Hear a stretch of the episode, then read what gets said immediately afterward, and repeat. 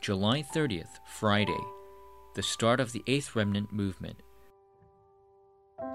Psalms 23, verse 1 The Lord is my shepherd, I shall not be in want.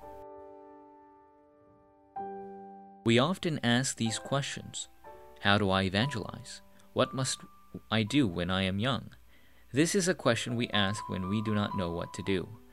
However, David, who was in the sheep pens, found the blessings he should naturally receive while tending the sheep. This is what we call rightfulness. If we do what is rightful, we see what is necessary. This is what we call a sense of inevitability. If we enjoy the blessings of rightfulness and inevitability, the answer that comes is absoluteness. What did the remnants in the Bible start with? Number one, what must we do? Although Joseph was lonely and had a hard time because of family problems, he began scheduled prayer, grabbing onto the covenant passed down to him from his grandfather and father. Through prayer, Joseph was able to see the vision God gave him and possessed a strength that his brothers, who were jealous of him on a physical level, did not know about. Moses grabbed onto this covenant and then found his vision at the age of 80 and challenged. All our remnants need to do is grab hold of the covenant given to them personally through the blessing of scheduled prayer by which they make their today the best. Number two, the time schedule will come. Through scheduled prayer, God's sure time schedule by which we make our today the best will come.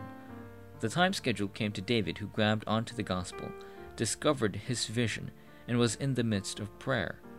He was chosen as king while he was grabbing onto the covenant and waiting. And he gained the strength to win against lions and bears. All we need to do is prepare in the midst of prayer. God is waiting to use those who are prepared. Number three, how must we prepare? We need to prepare our vessel. When a hardship comes to us, we need to prepare the vessel that waits for the great blessings of God. When answers come, we just need to prepare the vessel of humility. When problems come, we just need to prepare the vessel of being bold and able to challenge. We must discover your talent in the midst of praying and stand tall as a person with a sense of specialty and sense of uniqueness.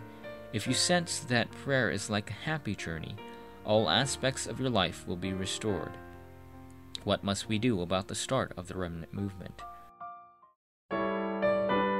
Forum topic Through today's scheduled prayer, try departing on that happy journey.